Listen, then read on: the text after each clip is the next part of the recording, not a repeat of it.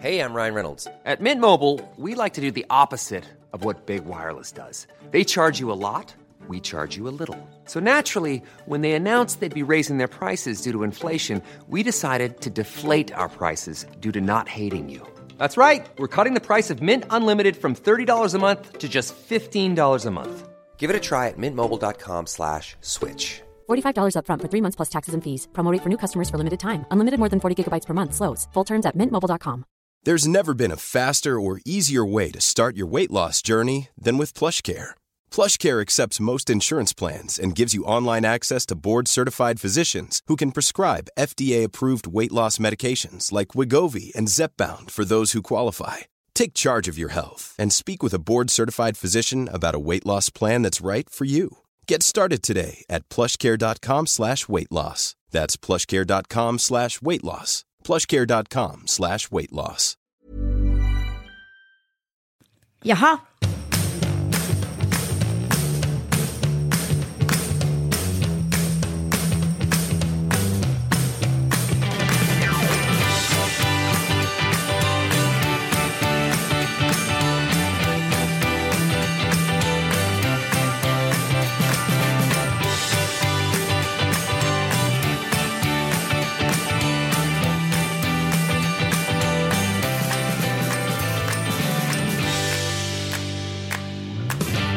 Välkomna till Lille Lördag.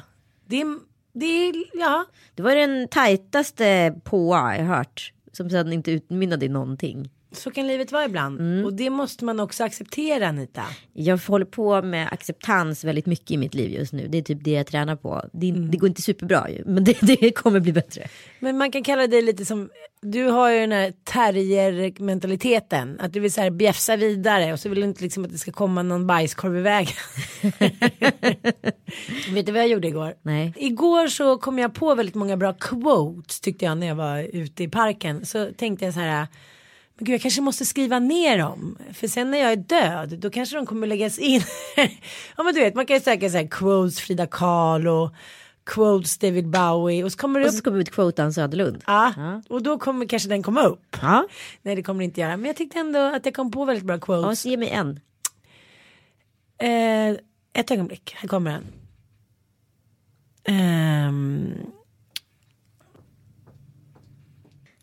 Du måste också förstå att när jag vaknade i morse och den här lilla bakisångesten var över, då tyckte jag kanske inte att quotesen var lika bra längre. Är det så? Det är ofta så, men den, en var den här i alla fall. Eh, det förflutna betyder ingenting. Vänta. Men jag tänkte på det där du vet som man kan, som man kan vara när man har levt några kvällar i sus och du. Så tänker man så här, men det spelar roll, man skulle kunna bara leva så här hela tiden. Men jag och Sanna läste den här boken Love Warriors. Ja. Och då tänkte jag så här. Men hon berättade om sin ungdomstid och när hon krökade eh, som ett svin. Eh, vaknade upp på dagen, så försökte nyktra till, tog en dusch, började dricka, satte igång och levde så i flera år. Det är ju så vidrigt att, liksom, att man ens orkar. För när man någon gång är då lite bakis så vill man ju bara att dagen ska gå. Man bara spola bara fram det här jävla dygnet Ja, nu. ja, så visst. att jag liksom slipper ta hand om bebisar, män, middagar. Det är ju bara helt vidrigt tycker jag. Och då tänker man så här, de som lever med det där varje dag. Och det var då jag tänkte det där med sus och dus. Men det förflutna kommer ju alltid i kappen. Och det är ju tyvärr liksom också en quote som är jävligt tråkig att inse. Att så här, det går inte att springa ifrån allting. Nej nej nej, det, alltså det kommer ju biter i arslet förr eller senare. Absolut. Jag, jag, vill hell- jag gillar ju inte att skjuta på saker så jag tar ju hellre förr än senare. Eh, Du tar hellre ett litet märke nej, av jag, hunden. jag tar, nej men jag vill, ha, jag vill att den ska riva av mig halva skinkan direkt liksom så att så här, det, det, den kan läka ordentligt. Ja, ja. Men, men samtidigt säger så här, det går ju att fly med allehanda liksom dels rusningsmedel, dels träning, dels bara så här låtsas som det inte finns. Precis. Det tycker jag är den mest Det tycker jag är det mest intressanta valet. Att man så här låtsas som att det aldrig har hänt. Nej men exakt, men det kan ju, alltså så här, människor är ju väldigt olika. Man kan ju springa runt i den här li- liksom, lilla labyrinten hela sitt liv om man aldrig väljer att ta tag i saker och ting. Det, det är ju jättemånga som agerar så. Eh, och du kan ju så här, du kan ju liksom, vad ska jag kalla det för, reboota dig var tionde år. Eller var femte år beroende på vem du är som person. Alltså det är bara att skaffa en ny eh, tjej eller kille och springa liksom in i en ny relation och sen så är det bara liksom att spola tillbaka kassettbandet och börja om igen. Och sen så nästa gång du får en kollaps eller kris så kan du bara göra om det där och göra om det där och göra om det där tills du dör. Jo men jag tänker ibland när man vill göra sin läxa. Ja, Och så här, inte springa ifrån det och det gör så satans ont och det är så jobbigt att gå igenom de här proce- processerna. Varför kör man inte bara så här? Ja men du vet. Inte kanske David Bowie men mer Rod Stewart-aktigt liv. Man bara säger ta nästa snygga blondin. men Skriver vadå, det gör ju hur mycket män som helst. Det är ju så det funkar. Jo men det gör ju kvinnor också. Ja.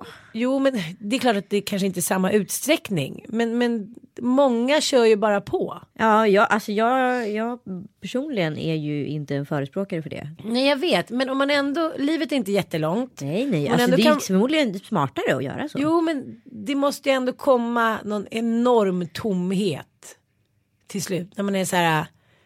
Gud, vad blev det av mitt liv? Varför vill jag inte bli en bättre människa? För jag tycker att det handlar om det. Antingen vill man bli en bättre människa. Eller också så vill man inte det.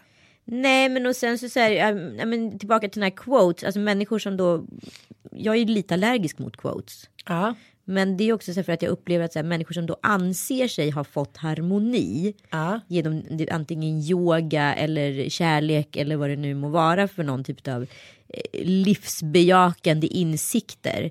Som säger nu är jag harmonisk. Nej, du är inte harmonisk. Du har bara dämpat din ångest. Det är inte harmoni. När du är i harmoni så vet du inte ens om att du är harmonisk för att det är ett känslotillstånd som är kroniskt. Men jag tänker nu ju fler böcker man läser om hur man finner harmoni och allting går ut på att man ska börja yoga. Är det det enda sättet att finna harmoni? För då tänker jag börja yoga. Ja, alltså det är ju väldigt individstyrt skulle jag säga. Jag har ju yogat mycket tidigare i mitt liv. Eh, jag vet inte om jag var speciellt harmonisk då. Ja. men det finns då inget så här färdigt recept eller färdig formel på hur man ska bli harmonisk. Nej men alltså det ska ju vara att när så här. Om man människa är, och det kommer tillbaka min lök hela tiden. Och vad får löken om att bli hel och vad får löken om att må bra och så vidare. Liksom, när alla de här skikten, alla de här skikten är i balans. Då är det ju harmoni. Men du kommer ju aldrig veta att du är i harmoni för att det tillstånd kommer du inte kunna liksom, förklara för dig själv. Det är Men- när du bara är. Ja men jag träffade ju han eh, från Kartellen. Ja, Sebbe Stax. Ja, Sebbe Stax. Eh, på TV4 för några veckor sedan och så träffade jag honom i fredags också. Bara av en slump på stan. Ja. Och han har ju då blivit frälst och kristen. ja, just det. Och det verkar ju vara ett väldigt bra sätt att bli harmonisk. För människor som är religiösa verkar ju överlag väldigt harmoniska tycker jag. Ja. Ja. Ja det är väl inte så konstigt eftersom man så här, tror på en högre makt. Det var ungefär det vi pratade om nyss. Du går igenom en kris, jag har gått igenom en kris. Då vill man ha sin mamma. Precis. Man vill ha en mamma som så här flyttar in och sen lagar köttfärs och spagetti och säger att man är fin och betalar pengar så man kan gå och klippa topparna. Alltså allt sånt som jag ändå hade innan min mamma blev sjuk. Det vill man så gärna ha. Man åtrår det mer än något annat. Man Ja. åtrår det mer än kärlek, framgång, pengar, fin lägenhet och allt vad det skulle ha, fred på jorden.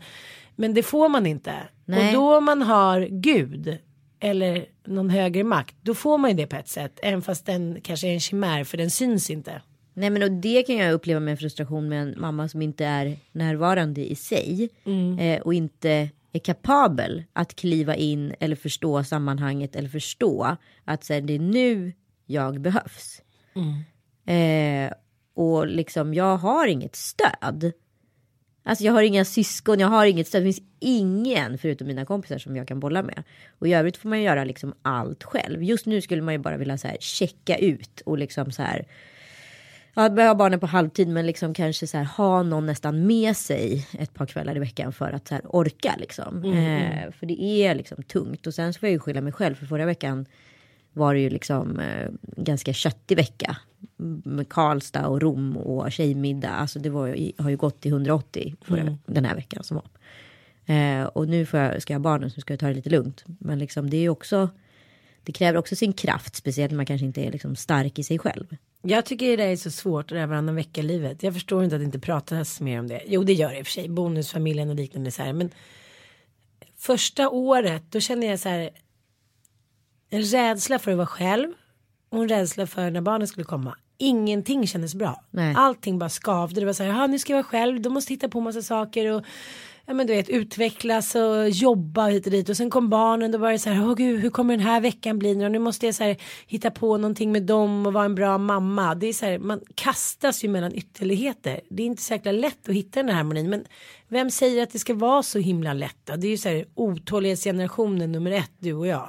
Ja men mitt problem är ju hela tiden att jag har ju ett behov utav planering. Alltså det är ju mitt, mitt eh, kontrollbehov. Att jag, säger, jag vill veta vad som ska hända imorgon. Jag vill veta vad som ska hända nästa vecka och om ett halvår. Och du vet i... Du vill regissera ditt liv. Ja men du vet det är mitt problem och, och det här sätter ju allt i limbo. Förstår du? Att jag så här, inte kan ha kontroll och det, det, är ju, det är ju där jag måste jobba med mig själv. Liksom. Att, så här, att, så här, våga släppa kontrollen. Liksom. Du vill bara skaffa tre barn till. Åh, fy fan. Nej men kan vi prata lite om att vara på fest och sen gå upp dagen efter och ta hand om barn. Mm.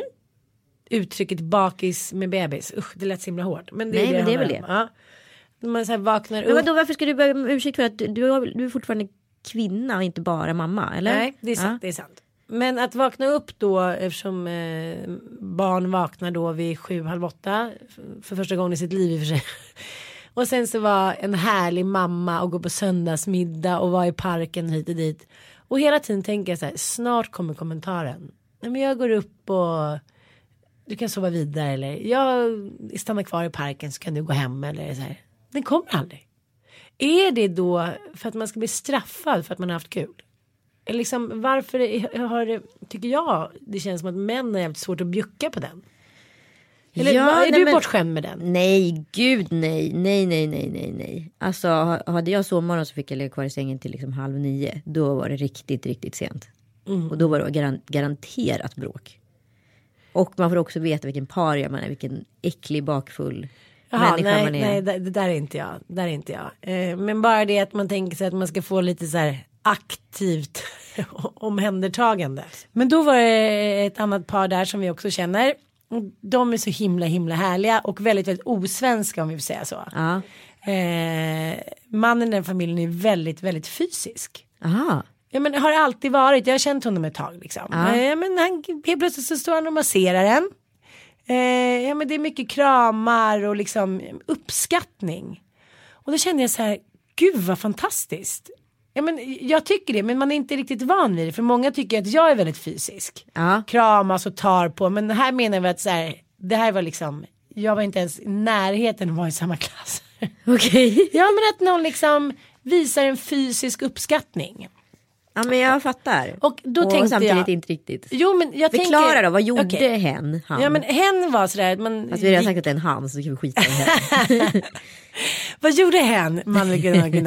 Nej men eh, jag märkte också en fysisk uppskattare kan man säga så. Ja. Det blir inte riktigt samma betydelse. Men de tar på en utan att det behöver vara liksom åh nu tog jag på dig för att du var kvinna. För att han tog ju lika mycket på Fredrik. Ja. Så det är liksom, eller Mattias, det är inte så här att han är så här, älskar kvinnor bara utan han visar en fysisk uppskattning på Men samma sätt. levlar han då liksom för att han har någon egen inre ångest? Förstår du? Så att så här, om jag tar på alla lika mycket så verkar det inte vara något, något konstigt med att jag tar på Ann. Eller? Nej, nej, nej, nej, nej. Han, Utan har han bara är sån. Han är bara sån. Det är hans sätt att uttrycka sig som vissa uttrycker sig med ord. Ja. Så tror jag att han uttrycker sig med, sin, liksom, med sina händer eller med sina kramar eller pussar. Ja. Eh, men det är väldigt roligt. För det är väldigt, väldigt ovanligt att män är så. Sen kan ju kvinnor vara pussiga och kramiga och liksom, det är ju mer socialt liksom, accepterat. Men när män är det så blir det lite, man känner själv att det blir så här, men gud, det, det är väl ingen som tycker att det där var konstigt. Men det där är så roligt för jag har ju kom- massa kompisar som är skådisar. Ja. Och de är ju helt immuna. Sådana grejer. Alltså jag blir ju jättestressad. Jag har en kille som alltid så här kramar en. Och så är han liksom väldigt nära bröstet på sidan. alltså utav revbenen där. Och då blir jag så stel så att jag vet jag inte vad jag ska ta vägen. Det som händer tycker jag när man träffar människor som är väldigt fysiska i Sverige. Särskilt män då eftersom inte det är lika liksom accepterat på något sätt tycker jag. Socialt accepterat för då blir det direkt den här kopplingen att det ska vara då att män tafsar, vilket det inte alls alltid är. Men Nej, i USA vissa är ju liksom fysiska. Ja, men i USA har man ju mycket större acceptans med det där. Ja. Sen är det väl så att byråkrater kanske inte kommer undan med det på samma sätt som till exempel skådisar eller yogisar. Nej men exakt. Men det som jag såg som var en väldigt tydlig koppling eh, när diskussionen gick vidare det var att som jag också tänkt på förut att människor som är väldigt öppna med sitt fysiska språk de är också väldigt öppna överlag. För sen började vi prata om eh, att vi och det här paret som var där hade gått till samma eh, psykolog. Ja. och även, ja men du vet alla hade gått till de här. Och det var ju liksom väldigt roligt och där kan ju Mattias vara lite så här, ja men han bjuckar ju på det men, men sen kanske han inte går vidare. Medan Fredrik då, Jennys kille, han var så här, men så där pratar man inte om. Han blev liksom upprörd. Han tycker så här, det där är ingenting man bara liksom häver ur sig på en middag. Det kräver tankeverksamhet och tyngd på något sätt. Eh, Medan de var så här, berättade typ allt. Så jag tror ändå att det har en, en otrolig koppling just Ja, här. ja men gud, jag tror du verkligen något på spåren här. Alltså så här, Mm. ju mindre fysisk man är, ju större liksom privat sfär.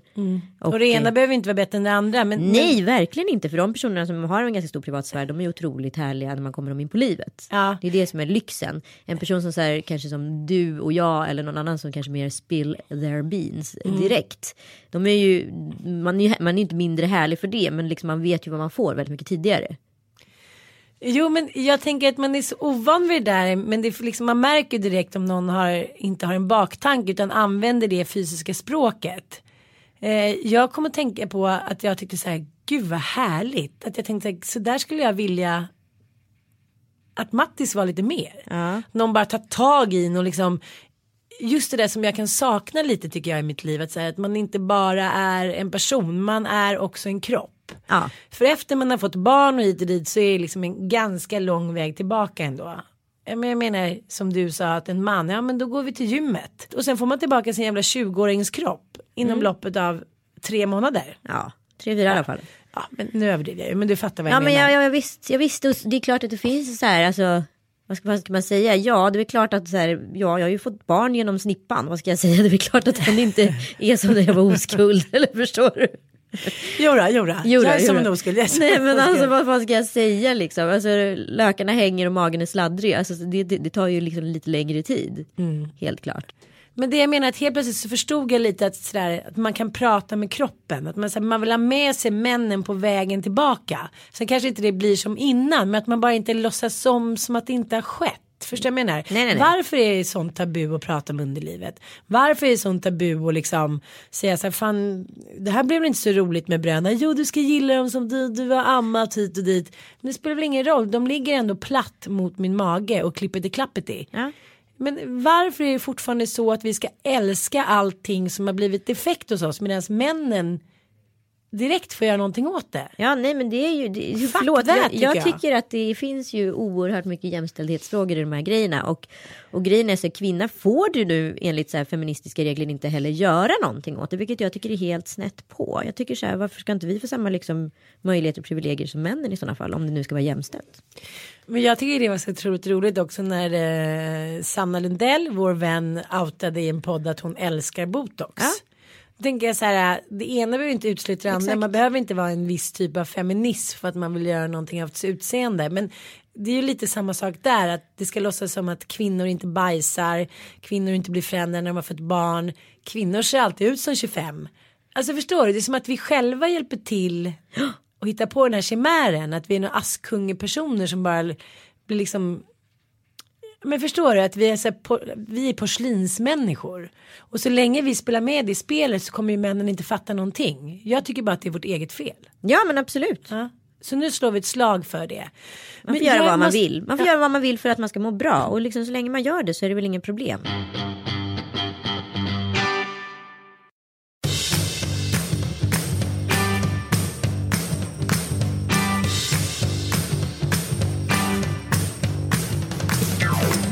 Skrivs ju mycket om så här, eh, feminister, nya feminismen och kvinnor måste hela tiden vara lex kropp, eh, lex eh, baka, liksom hit och dit. Men så kom det en, en väldigt befriande artikel här nu Svenskan tycker jag av Jenny Nordberg. Ja, min gamla kollega. den. Ja, som skrev att de ensamstående mammorna är de nya avundsvärda. Och det Precis. tyckte jag var så otroligt skönt att det kommer någon jämvikt. Att man inte hela tiden ska framställa oss som att vi så här, ligger kuvad under patriarkatet. För det gör vi inte. Eh, men sen kan man också kanske se att Katja Hultqvist är liksom lite äldre generation än vad Jenny är. Ja. Man kanske ser olika nyanser i till exempel vara ensamstående mamma. Men, men det som hon skrev var också att man kan ha man kan leva ett liv som man vill. Man behöver inte ha till exempel kärlek och barn samtidigt. Ja, men kanske under radarn. Man behöver inte liksom ligga med samma man hela tiden. Ja, Exakt, ju den nya artikeln där. varianten av kvinnor, det är de nya varianterna av kvinnor som faktiskt har allt i livet, bara inte allt exakt samtidigt i traditionell form. Ja. Det var ju det som var själva kontentan utav. Ja. Ja. Men, men just det här med ekonomi kan ju vara någonting som faktiskt är ganska tufft när man är ensamstående. För man har delat på två löner och kunnat så här, kanske inte behöva leverera 100% hela tiden. Men helt plötsligt så är man ensamstående med som i mitt fall då tre barn. Jag tycker att det är klart att man behöver cash ibland och desperat behöver ibland. Och då tänker jag på Marcus Birros exfru Jonna. Ja, Hon som bloggar och ja, men hon är ju då skön. Men nu har hon sålt deras bröllopstavla på Tradera. just det. Ja, i helgen. Och det blev ju galenskap. Det blev ju så hetsk stämning. Och till slut så var det någon som köpte den här tavlan för över 50 000 spänn. Är det sant? Ja, men här är hon väldigt ärlig. Hon berättar då att det kan vara svårt efter en skilsmässa att få ihop, ihop ekonomin och så här. Hon var desperat och behövde pengar. Ja. Eh, men det roliga är att det är ett litet hål. Det är två små hål va? Ja, där hon har... Fistat. Hon har fistat rakt genom tavlan, det är det hon har gjort. Jaha, okej. Ja. Ja, under bodelningen. Ja. Jag tycker det är så roligt. Ah. Min knytnäve råkade gå igenom tavlan när var som mest infekterad i bodelningen. Så betänk det symboliska värdet av frihet är det utdelade slaget när du budar. Skrev Jonna i beskrivningen på Tadrera. 392 bud fick hon.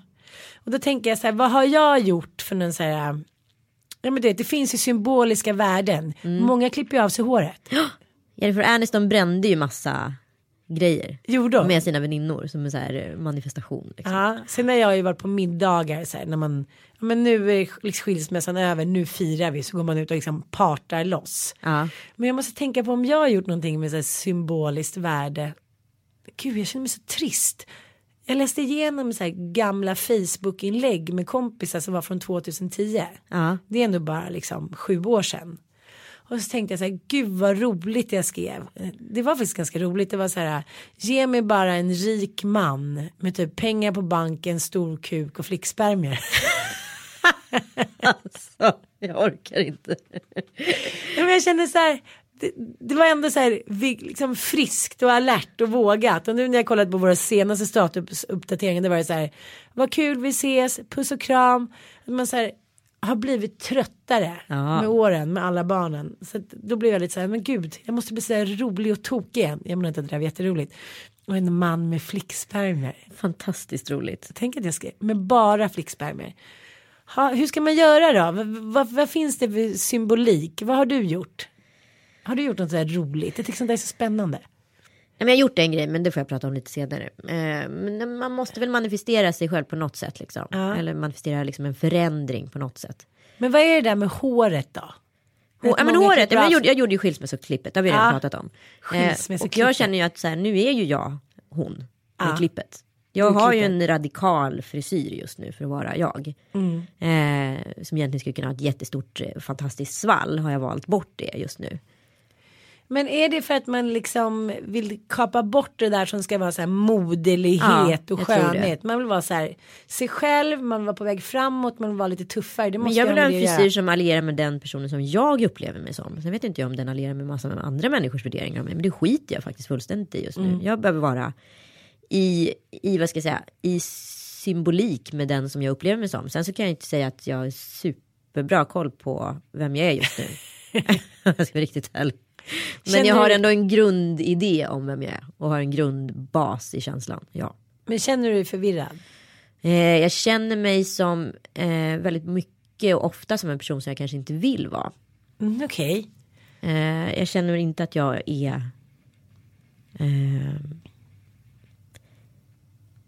Jag känner kanske inte att jag kan ge mig själv till någon. Mm. Hela mig. För jag Men- kan inte ge bort allt. Men varför är det så viktigt att du måste ge dig själv till någon då? Nej men jag vet inte. Jag har otroligt stort behov just nu av att skydda mig själv. Från Ja. alla liksom på något sätt. Man kan få bitar utav mig. Man kan inte få hela mig. Men varför tror du att det är så viktigt att hela tiden tänka på nästa relation när man går igenom en skilsmässa? Är det för att man ska bevisa för sig själv att man så här, har attraktionsvärde? Nej, men jag, har gjort, jag har gjort den separationen en gång. Liksom. Och jag, jag, gjorde, jag sprang in i en relation med Kalle liksom, väldigt fort efter det. Och sen så, som jag upplevde då, så tog det liksom nästan ett år innan, kanske mer, innan den gamla skilsmässan gick ur kroppen. Och den här gången har jag ingen lust att ta med mig en skilsmässa in i nästa relation. Så att jag vill, även om det tar, bär mig emot, göra läxan liksom. Och sitta still i båten. För att jag vill komma in i nästa relation ren. Eller vad jag ska säga. Det blir som en ny oskuld på något sätt. Konstigt nog. Men jag blev så himla rädd när jag såg scener i ett äktenskap när hon bara så här år efter år bara fortsatte att liksom sitta fast i hans känslor. Jag tror att man ändå så här superaktivt måste så här leda bort sig därifrån. Ja. För jag kan komma ihåg den där känslan med mitt ex när man så här försökte lämna, försökte lämna och så bara så här det går inte. Jag är fortfarande kvar i honom. Det är som att så här jag själv väljer att sätta klorna i hans själsliv fast vi inte behöver det längre. Nej. Det är så här, någon besatthet som man inte kommer ifrån. Och jag kommer ihåg när jag eh, liksom blev fri. Det var nästan som så här att någon liksom hackade sönder typ en så här keramikhatt. Förstår du? Ja. Knacka och till slut så sista. Gud så vilken bra symbolik. Ja, Ja. så liksom sista skärvan bara. Det var som att jag gick omkring. Liksom. Jag vill inte känna att jag bryr mig om vad mitt ex gör. Innan jag går in i nästa relation. Nej, jag tror det är jäkligt bra. Jag tror, jag vill bara, bara liksom, alltså så här, jag ska känna rent fysiskt att han är avpoleterad. Att så här, han kan göra, han kan fan åka till månen om han vill. Och jag skiter i det. Alltså förstår du? Att det inte ska, att det inte ska vara ett brys. Ja, jag fattar. Men, men jag tror att det där handlar om väldigt aktiv handling ändå. För igår så sa Jenny till mig, hon bara, jag har tänkt på det där. Vad är det i dig, vad är det i din kropp som gör att du inte blir utbränd? Jag tycker liksom att läkare borde, forskare borde kolla i ditt enzym. Vad som gör att du så här bara står på benen hela tiden. Och Men det, måste ju handla om, tror jag, alltså, det, både du och jag har ju en grej som jag tror är genuint för det. Vi är ganska osentimentala. Ja, det är sant. Vi är inte sentimentala. Människor som är sentimentala tenderar ju till att bli nostalgiska. Och nostalgi kan ju krossa vem som helst. jag Ja, att säga. men jag har jobbat mig ifrån Ja. det nostalgiska. Jag och min pappa.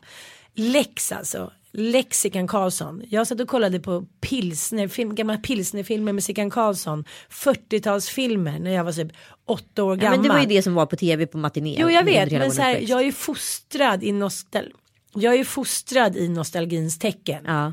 Men har liksom sparkat ut mig därifrån. Ja. Men det är därför jag tror att det är så otroligt viktigt när du säger så att jag vill ha kontroll, jag vill veta vad som händer i sommar, bla bla bla. Det är ju den fällan, det är kontrollfällan. Och så länge du sitter kvar i den så kommer du bry dig om vad ditt ex gör, du kommer bry dig om vad andra tycker hit och dit. Jag har faktiskt lärt mig, jag tycker säga senaste åren, att så här, leva lite för dagen. Ja, jo men det vet jag att du gör. Jo men, Men- nej, men jag har inte gjort det. Jag har alltid haft någon plan och någon resa och något lägenhet som ska köpas och någonting som ska ordnas med. För att hela tiden vara kontrollerad i en tanke. För när man släpper tanken då kommer ju känslorna, liksom, då kommer ju de över dig. Ja, absolut. Jag är med dig där. Däremot så känner jag att jag har ett behov av, och det har jag alltid haft, och det jag tror att svårt, jag kommer, kommer ha svårt att bryta just det mönstret, men att så här hänga upp mitt liv på olika livlinor. Att ha anhalter att jobba sig emot. Ja. Förstår du? För att så här få en, alltså få en, för jag är ju en person som inte kan ta ledigt. Alltså rent, jag jobbar ju alltid liksom. Det är så mitt liv har sett ut de senaste 15 åren och så kommer det fortsätta se ut. Eh, så därför måste jag liksom göra fysiska breaks för mig själv. För att veta att så här, Fast det där är ju också någon som kommer bita dig i rumpan till slut. För det är många människor, kreativa människor, som säger att de inte klarar av att ha semester. De blir så stressade av att ha semester, det, saker kommer över, bla bla. Men det kan ju för sig du. ja det kan ju jag, jag har inga problem med det. Men det är därför jag, jag har ju en på en av-knapp. Ja. Och när det kommer på semester stänger jag av. Jo men nu ska ju du åka till Los Angeles igen. Ja. Det känns ju som en sån jävla flykt. Ja, det är en absolut flykt. skulle Jag, säga. jag ska inte säga att det är någonting annat. Det är en flykt. Men jag behöver den. Ja. Men du bara så här, nu köper jag en biljett och drar. Ja, Helt medvetet. absolut. Nu sitter vi här och jag sitter lite som på nålar. Jaså? Ja, jag har fått fråga nu flertalet gånger den senaste veckan vem du har varit i Rom med och lagt upp massa bilder som att du vore där själv och bara med en fotografassistent. Ja, så roligt ja. Kanske man blir så. tokig. Men man känner ju ändå att det fanns något fuffens annars skulle ju personen varit med på bild. Ja. Raketforskaren Ann. Jag träffar en kille, jag är som sagt väldigt mån om att skydda mitt privatliv just nu. Jag vill inte att mina barn ska liksom råka ut för någonting som inte de behöver ha någonting med att göra. Eh, och så vidare. Jag introducerar liksom ingen person i mitt liv som inte behövs vara där rent fysiskt, förstår du? Ja, men varför vill du inte visa hen på bild? Är det liksom, har de någonting att göra? Eh, liksom, tänker så här, men gud, det, det får ingen se, då kommer det ligga i tidningen eller jag. Ja. Det är Ja. klart det skulle göra. Ja, exakt. Det har ingenting att göra med att du tycker att det är väldigt tidigt att åka på semester med någon eller? Nej men vad fan det spelar väl ingen roll. Vi har ju dejtat den här killen ett tag och gillar honom liksom. Det är inte mer med det. Men vi har ju inte uttalat någonting runt varandra och kommer kanske inte göra det heller. Så att därför tycker jag inte heller att det är nödvändigt att någon annan än jag har de bilderna i min kamera. Men då undrar jag. Han eh, vet ju vem du är tydligen. Och, eh, men när du bad honom så här, ta bilder hela tiden när han inte skulle vara med. Bilder hela tiden. Ja men det kanske Ja. var en ömsesidig önskan. Ja det kanske är Mm. sant. Ja, det är sant. Men pratade ni något om det? Men det är klart. Ja. Det pratades om det innan vi åkte också. Så att så här, det Mm. var clearat och klart liksom. Men eh, ja. Men eftersom det. jag nu äh, sitter i terapisoffan och är din terapeut så måste jag bara fråga en sak. Det här är mellan dig och mig. Okej, Ja, och hundratusen andra. Nej men jag tycker det är så fascinerande. Vi säger så här, back to the crime scene. Man har varit på ett romantiskt ställe. Vi pratade om det innan. Det finns ju inte så här 50 000 ställen i världen som liksom är de universala romantiska. Sen kan ju man ha varit på korvkiosken i Säffle. Ja, ja, ja. Och liksom tyckt att det var det mest romantiska för man är nykär eller vad det nu handlar om. Men du har ändå varit i fucking romantikens stad. Då du även har varit med andra män. Jaha. Ja, eh, det där tycker jag är lite konstigt. Fast det är svårt att så här, ringa in, alltså, paxa en, hu- en, hu- en huvudstad liksom. Jo jag fattar men ta till exempel eh, Paris. Ja. Där har jag ju varit med olika män. Ja. Som jag har varit liksom nerkletat förälskad i. Ja. Jag har liksom legat så mycket i olika små gränder, nej det har jag inte. Men på hotellrum med olika som en vindskup i våningar hit och dit. Och sen så bara kommer man med nästa snubbe och ska göra samma sak. Eh, som man kanske har lite mer seriös relation med. Det blir ju en märklig känsla. ja men det kan jag hålla med om. Fast samtidigt så var det så här, jag har faktiskt bara varit med Kalle i Rom på ett pitstop. På väg till Ischia. Och in, dessförinnan så var det mitt ex-ex som jag var i Rom med. Och det är ju alltså, ja det måste ju vara 10-12 år sedan. Ja. Så att det får ju inte riktigt räknas. Så att därför kändes Rom ganska icke nerkletat. Men det där kanske är en, eh, har symboliskt värde. Lite som att, Ah. att bränna ner någonting, klippa av sig håret. Att åka tillbaka till en stad och frigöra den. Ah, du är på att idag Ann Söderlund. på. Vassare än vass. Jag har ju blivit besatt av människor, liksom par på krogen. Man känner ju direkt om det vibbar eller om det inte vibbar längre. Du vet när man sitter själv och så här skritt skrattar och har kul och sen ser man att det sitter ett par två bord bort som inte säger ett ord till varandra på två timmar. Och då är man så här, då får jag skuld att jag är lycklig och kär och har någonting att säga till min karaslok. Ja. Förstår du? Det där tycker jag är så jobbigt. Man ser så att där sitter de. Jag tänkte på några på tunnelbanan i morse. Bara, men gud vad de ser olyckliga ut. Jag vill inte typ säga någonting. Jag vill säga så här. Men för fan livet är kort. Gör slut. Jag vet att ni har två barn. Men det kan ju bero på att de precis har varit hos läkaren och barnet är sjukt. Eller, det vet man ju inte. Men jag, jag tänker ändå att så här, slå er fria. Det kanske är våren som gör det. Men sitt inte och var olyckliga. Många människor passar ju inte ihop. Nej men folk är ju också fängslade i varandra utav olika så här. Det kan vara liksom allt från klass, släktband, koder. Alltså också har du träffat någon i en otrohet så kanske du sitter med en otrolig skuld liksom. Eh, till de personerna som du har orsakat smärta på vägen. Så därför kan du hänga, kanske du hänger kvar med en person som kanske bara skulle varit en affär och så vidare liksom. Så att så här, ja. Fast det kan man ju aldrig veta. Jag och Mattias var ju gravida jättefort och det tycker jag var svinhärligt. Jag pratade med någon tjej om det i fredags här. Egentligen skulle man bara göra allting typ första halvåret. Gifta sig, skaffa barn. För det är då det känns så himla färskt och unikt. Det är då man står där liksom framför prästen eller vad det nu är. Så här, ja, ja, det är då man så bygger på lyckokänslan. Sen får man väl klara av resten själv. Men det här med att man ska gifta sig efter fem, tio år och stå och liksom småfisa. Ja, men det blir bra. Nej, jag tror mer på så här, gör det bara när du vill. Skit i konventionerna. Nej, där, där skulle jag säga nej, stopp och belägg. Jaha. Där skulle jag säga stopp och belägg. Nej, men jag tror man ska gifta sig när feromonerna har gått åt kroppen. Om man fortfarande känner samma genuina känsla, då är det rätt. Okej. Det, det tror jag. Jag vet inte. jag Nej, säger inte nej. att du har fel. Jag säger att jag bara Nej, att jag tror inte som du. Här skulle jag vilja ha Girls Just Wanna Have Fun. Med Cyndi Lauper.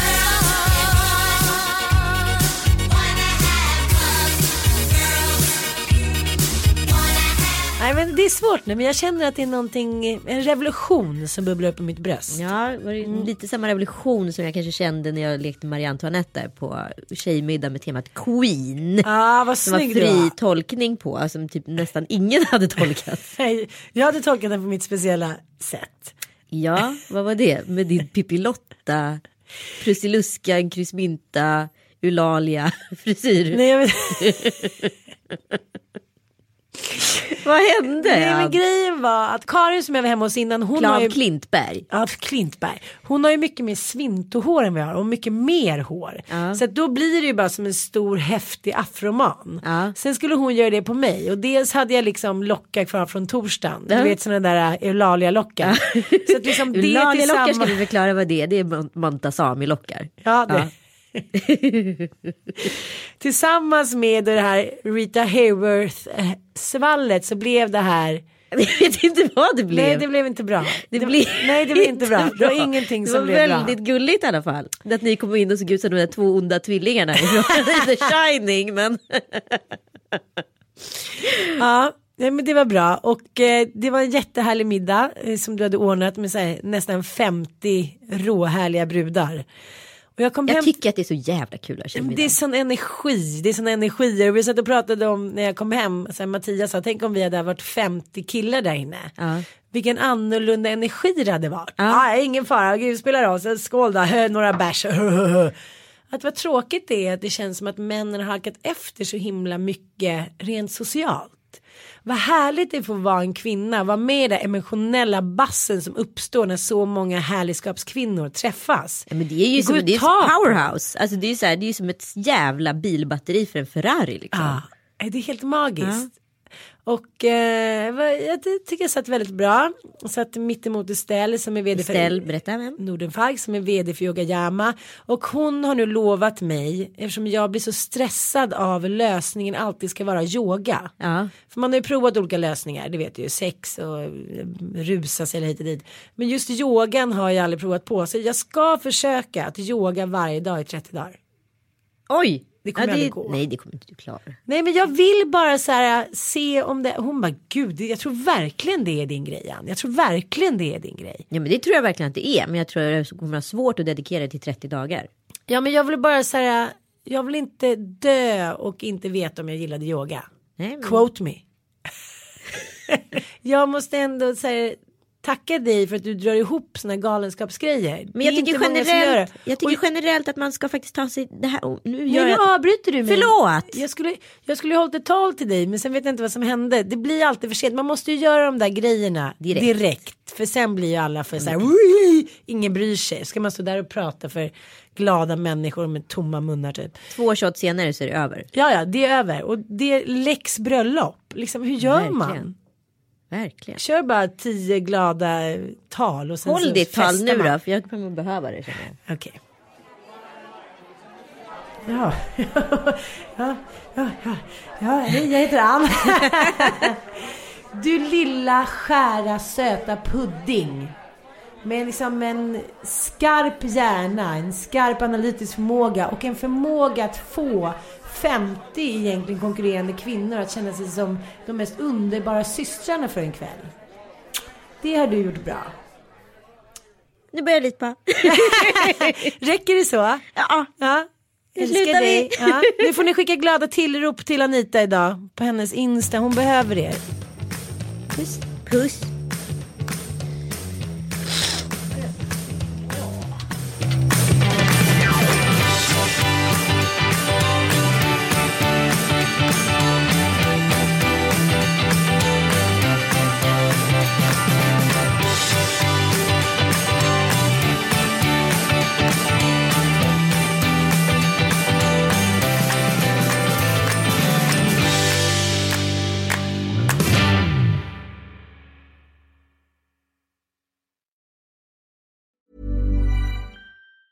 Hi, I'm Daniel, founder of Pretty Litter. Did you know cats tend to hide symptoms of sickness and pain? I learned this the hard way after losing my cat, Gingy. So I created Pretty Litter, a health monitoring litter that helps detect early signs of illness by changing colors, saving you money and potentially your cat's life. Pretty Litter is veterinarian developed, and it's the easiest way to keep tabs on your fur baby's health right at home. Go to prettylitter.com and use code ACAST for 20% off your first order and a free cat toy. Terms and conditions apply. See site for details. Mom deserves the best, and there's no better place to shop for Mother's Day than Whole Foods Market. They're your destination for unbeatable savings, from premium gifts to show-stopping flowers and irresistible desserts. Start by saving 33% with Prime on all body care and candles. Then get a 15-stem bunch of tulips for just $9.99 each with Prime. Round out Mom's menu with festive rosé, irresistible berry chantilly cake, and more special treats. Come celebrate Mother's Day at Whole Foods Market.